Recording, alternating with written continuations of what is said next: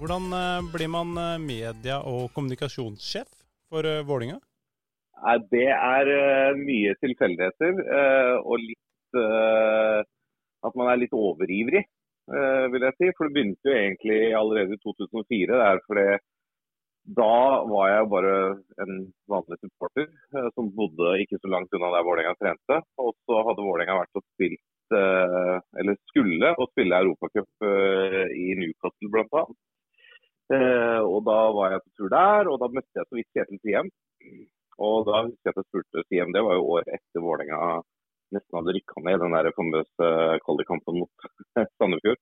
Eh, så spurte jeg Siem hvordan går det med Vålerenga, og sa nei, det blir medalje. Jeg vi kommer på andre eller, andre eller tredjeplass, og det var helt uh, urealistisk med tanke på sesongen før. Beit meg litt merke likevel. Og så kommer sesongstarten, og da var jo det var jo en spede internettbegynnelse for fotballklubber òg. Da var den siste nyhetssaken på eh, viss.no, som det het den gangen, det var eh, kampen som hadde vært i februar eller noe sånt. Og så var sesongen i gang, så sendte jeg en mail til Siem hvor jeg sa at dette syns jeg ikke var, var eh, Vålerenga verdig. på en måte. Så har jeg tydeligvis ordlagt meg godt. Men eh, kom en mail ganske kjapt. Kan du møte meg på kontoret i morgen klokken halv ni? Og da tenkte jeg at han skal skjelle meg ut nå at jeg har sagt ifra. Og det endte egentlig med at han tilbød meg en, en ulønna stilling eh, som eh, mediekonsulent. Altså hjelpe å skrive kampreferat for å holde sida ved like. Eh, gjorde det et års tid. og så ble det økt til en sånn 25 %-stilling. Og så til slutt så ble jeg jo fulltidsansatt i Vålerenga som eh, kommunikasjonsrådgiver. Eh, og så tok jeg til slutt over for eh, Svein Graff da, da han gikk fra å være ramp til å bli pamp i NFF. Hva er det beste med Eidsvoll? Eh, Det beste med er at det er kort vei til eh, natur. Eh, Så jeg kan gå på ski på vinteren og fiske ørret på sommeren.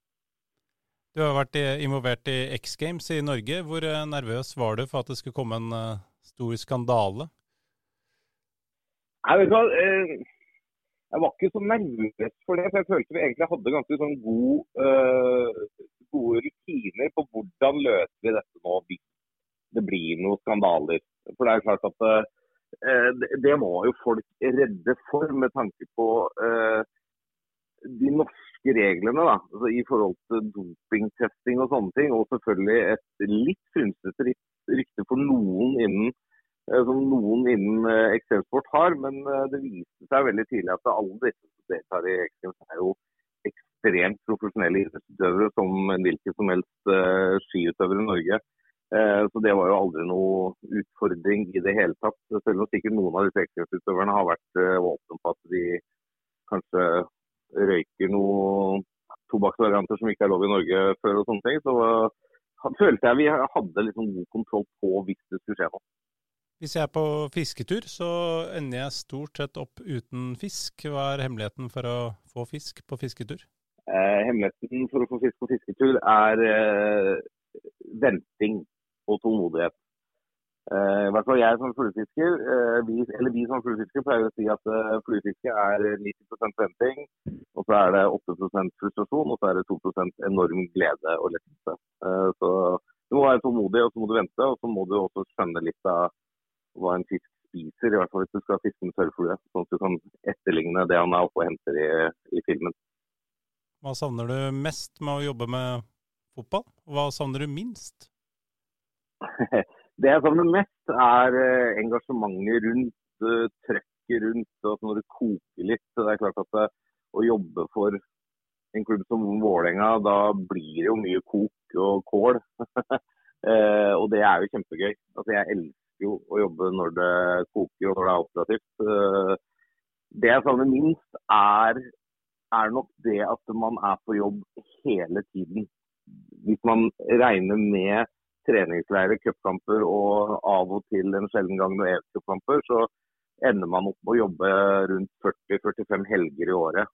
Det var ikke for meg i hvert fall veldig forenlig med småbarnslivet. Så eh, det, det savner jeg ikke. Men jeg savner alt det andre rundt eh, kameratskapet, eh, engasjementet, hvor mye det betyr for folk. Det, det er magisk. Hvilken sport var du nærmest å bli skikkelig god i? Det, da må jeg si amerikansk fotball, for der er jeg faktisk norgesmester. Hva var drømmejobben da du var barn?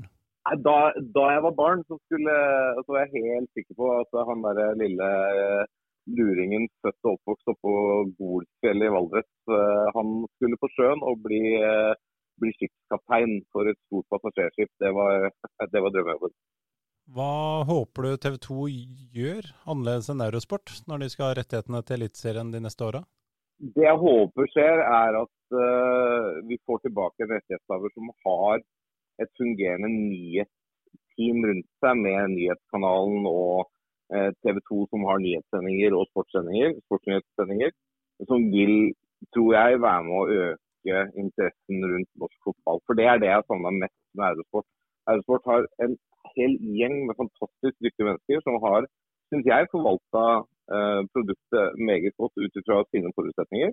Men å få en rettighetshaver som også har liksom den redaksjonen, sportsredaksjonen i bakhånd, som eh, pumper ut nyheter eh, i faste sendinger lineært og digitalt. Eh, det, det, tror jeg vil være til stor fordel for norsk fotball.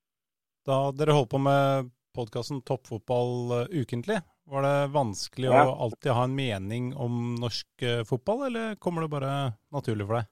Nei, det, det kommer nok ganske naturlig dessverre og heldigvis, eh, når man skal sitte i et podkaststudio. Og så er det selvfølgelig forferdelig leit at vi ikke akkurat nå klarer å være verken ukentlig eller månedlig om dagen. Men eh, det har vært mye endringer i livene til eh, alle oss tre faste, tror jeg. Og også han fjerde som plutselig ble assistenttrener borte i Viking. Så, men nei, meninger det, det kommer bare Og så er det ikke alle meningene som er like gjennomtenkt, og det, det skinner kanskje gjennom. Men, men det får vi, det, den får vi ta.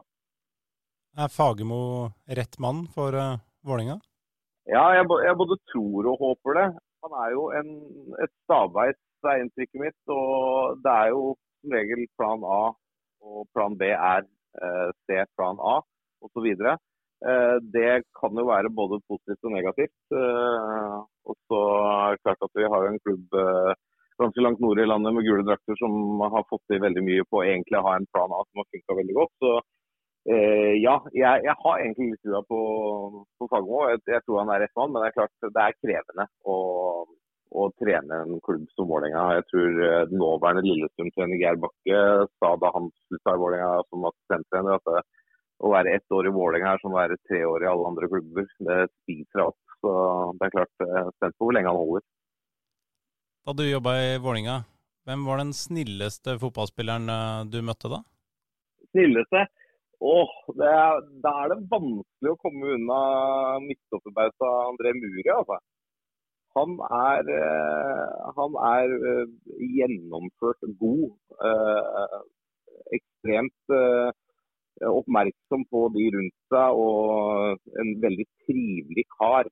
Som Ja, han, han er hel ved. Hvor stor er den største fisken du har fått? Eh, jeg, jeg, måler jo kun i, i ørret, da. da har jeg fått en ørret på tre kilo eh, oppe på Kola i Russland. Da har jeg nok fått noen gjedder som er større på et eller annet tidspunkt, men de teller vi ikke med.